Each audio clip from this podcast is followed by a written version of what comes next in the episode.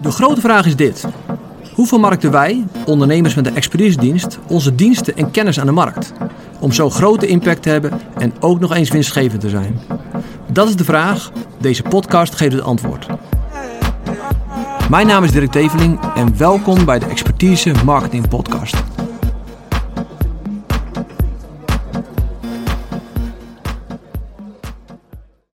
Ik wil het vandaag hebben over de vier factoren die jouw succes met online marketing bepalen. En hoe kwam ik op deze sessie? Nou, heel simpel. Twee dagen terug sprak ik een potentiële klant. En we hadden een goed gesprek en hij was super enthousiast over ons aanbod. Uh, maar hij zegt, Dirk, ik heb nog één vraag. Hij zegt, uh, ik ga ervan uit dat niet al je klanten succes hebben. En ik zeg, ja, dat klopt. Niet al mijn klanten hebben succes. Maar hij zegt, wat zijn nou de factoren? Wat bepaalt nou of een klant voor jou succes heeft of niet? Nou, ondertussen hebben wij 150 klanten geholpen. Dus dan ga je op een gegeven moment patronen zien. Welke klanten hebben wel succes en welke hebben niet succes. Dus voor mij was het antwoord op hem uh, om, dat te geven vrij simpel. Dus ik heb hem uitgelegd in een minuutje. Uh, en dat maakte sens bij hem, dat, uh, dat snee hout bij hem. en nu in deze sessie denk ik, nou, laat ik daar eens over praten welke vier factoren, want het zijn er eigenlijk vier, eh, bepalen nou het succes als het gaat om online marketing. En die ga ik met je behandelen en uh, nou, die, die, zullen wel uh, die zullen heel nuttig zijn, denk ik.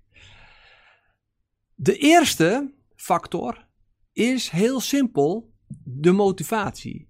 Jouw motivatie als bedrijfseigenaar om te groeien. En misschien had je die niet verwacht, maar natuurlijk willen we allemaal groeien.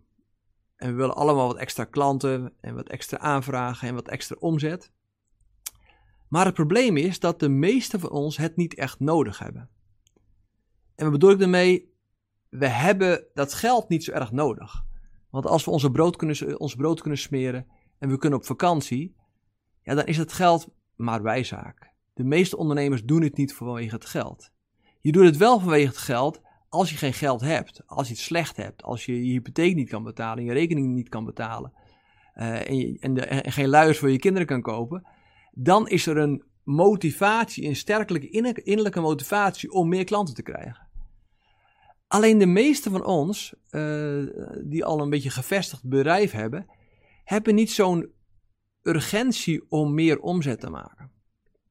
En daardoor, ook als wij met klanten een traject doorlopen, op een gegeven moment wordt, het een beetje druk en de waan van de dag neemt over en er is wat, wat, minder focus en er is wat minder drive.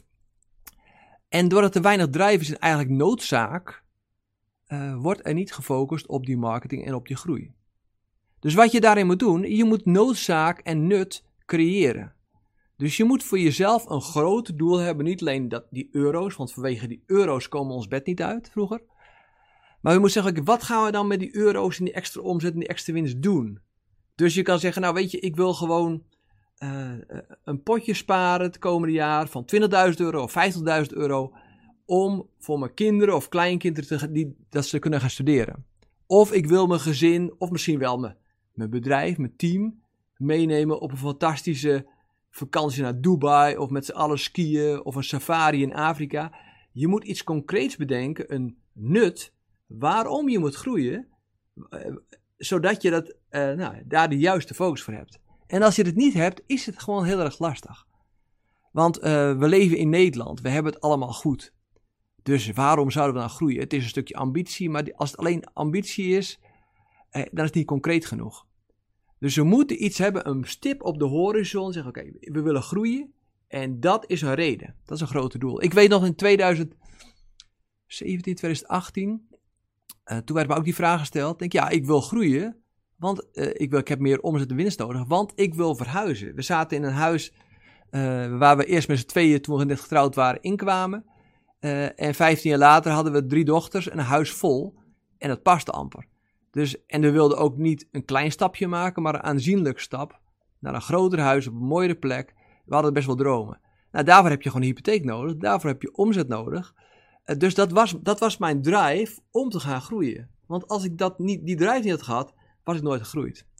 Dus daarom zie ik dus, de eerste factor is drive en noodzaak en nut om te groeien.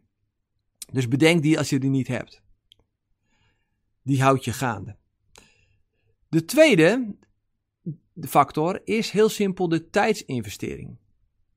Want het is niet zo dat je even een advertentietje in de lucht doet, even een goede, goede blog schrijft, uh, een landingspage in de lucht brengt en dan gaat je marketing en je bedrijf groeien. Zo simpel is het helaas niet meer. Uh, tien jaar terug kon dat nog, nu kan het echt niet meer zo. Dus uh, je moet veel dieper. Je moet je, het fundament van je marketing opzetten en dat kost gewoon veel tijd. En als die tijd er niet is bij mijn klanten, dan kan ik ze garanderen dat ze heel, in ieder geval heel, het heel lang duurt voordat ze resultaat hebben. Dus, um, ik ga even kijken. Dus, uh, het kost tijd om diep te gaan met je marketing. Het is wel leuk, ik uh, dacht een paar weken terug aan mijn enige marketingboek wat ik in mijn opleiding heb gehad. Dat heette De Grondslagen van de Marketing. En het interessante is, als ik terugdenk, dat boek ging helemaal niet over adverteren. Het ging niet over promotie. Het ging nog geen eens over content, dat soort dingen. Het ging heel simpel in, naar de fundamenten van de marketing. En dat is product market fit. En uh, in dat boek wordt omschreven hoe Ola op een gegeven moment gaat ontdekken dat, bij, met onderzoek, dat ijsjes, ijs, uh, vooral populair is bij kinderen. Dat is bij, voor, bij volwassenen wordt het gezien als iets wat voor kinderen is, ijs. En ze dachten, hé, hey, maar wat willen dan die volwassenen? Willen die ook ijs? Ja, die willen ook wel ijs, maar die willen een stuk groter ijsje en ze willen een luxer ijsje en ze willen een, uh, een ijsje met een gouden wikkel. Nou, en zo hebben ze dus door het onderzoek hebben ze, hebben ze de, de, de Magnum ontwikkeld. En de Magnum is een overweldigend succes geworden wereldwijd. Maar het kwam heel simpel door onderzoek in de markt. Wat wil die consument nou en wat gaan we daarvoor aanbieden? En ik geloof dat dat de grondslag, het fundament van marketing is. En dat kost gewoon veel meer tijd dan een advertentie maken en een tekstje schrijven. Dus als die tijd er niet is, ja, dan uh, duurt het gewoon heel lang voor er resultaat is, of er is helemaal geen resultaat.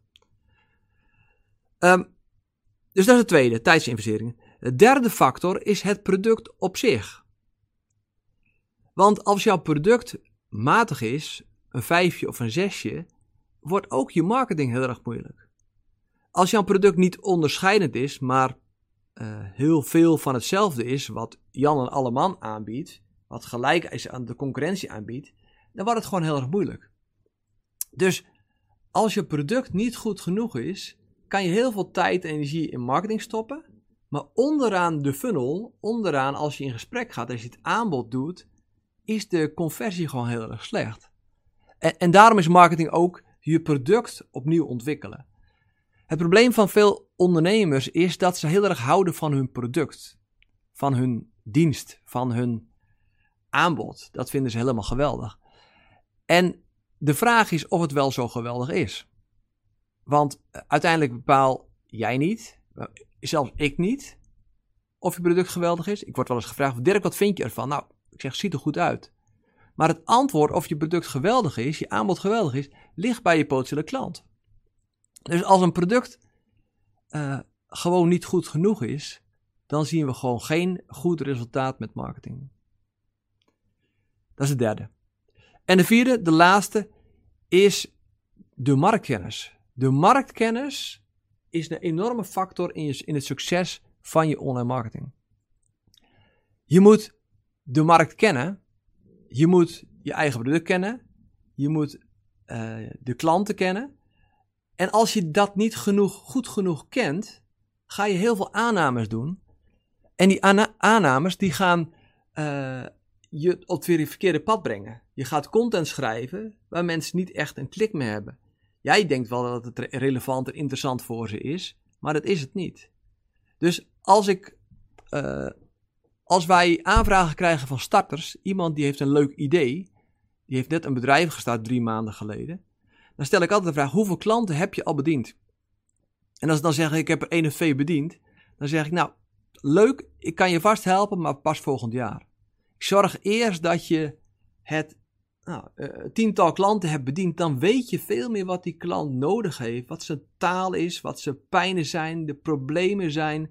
En als je dat weet, dan wordt marketing een stuk makkelijker. Want anders is het gewoon gokmarketing. Dan ga je teksten en content maken die nergens op gefundeerd zijn. En dat is zo de essentie van, van marketing. Het moet een fundament hebben, op, gebaseerd op je profiel, de niche en op je propositie. Die moeten ten eerste matchen. En als dat uh, matcht en als dat ook gevalideerd is, dan pas kan je content gaan ontwikkelen. Dan pas kan je gaan promoten. Dan pas mag je een advertentie gaan lanceren. En als dat nog niet zo is, dan gaat het gewoon niet, niet lukken. Dus samenvattend, uh, vier factoren die succes van je online marketing bepalen. Eén is je motivatie voor de groei. Twee is de tijdsinvestering. Drie is je product zelf. En vier is het kennen van de markt.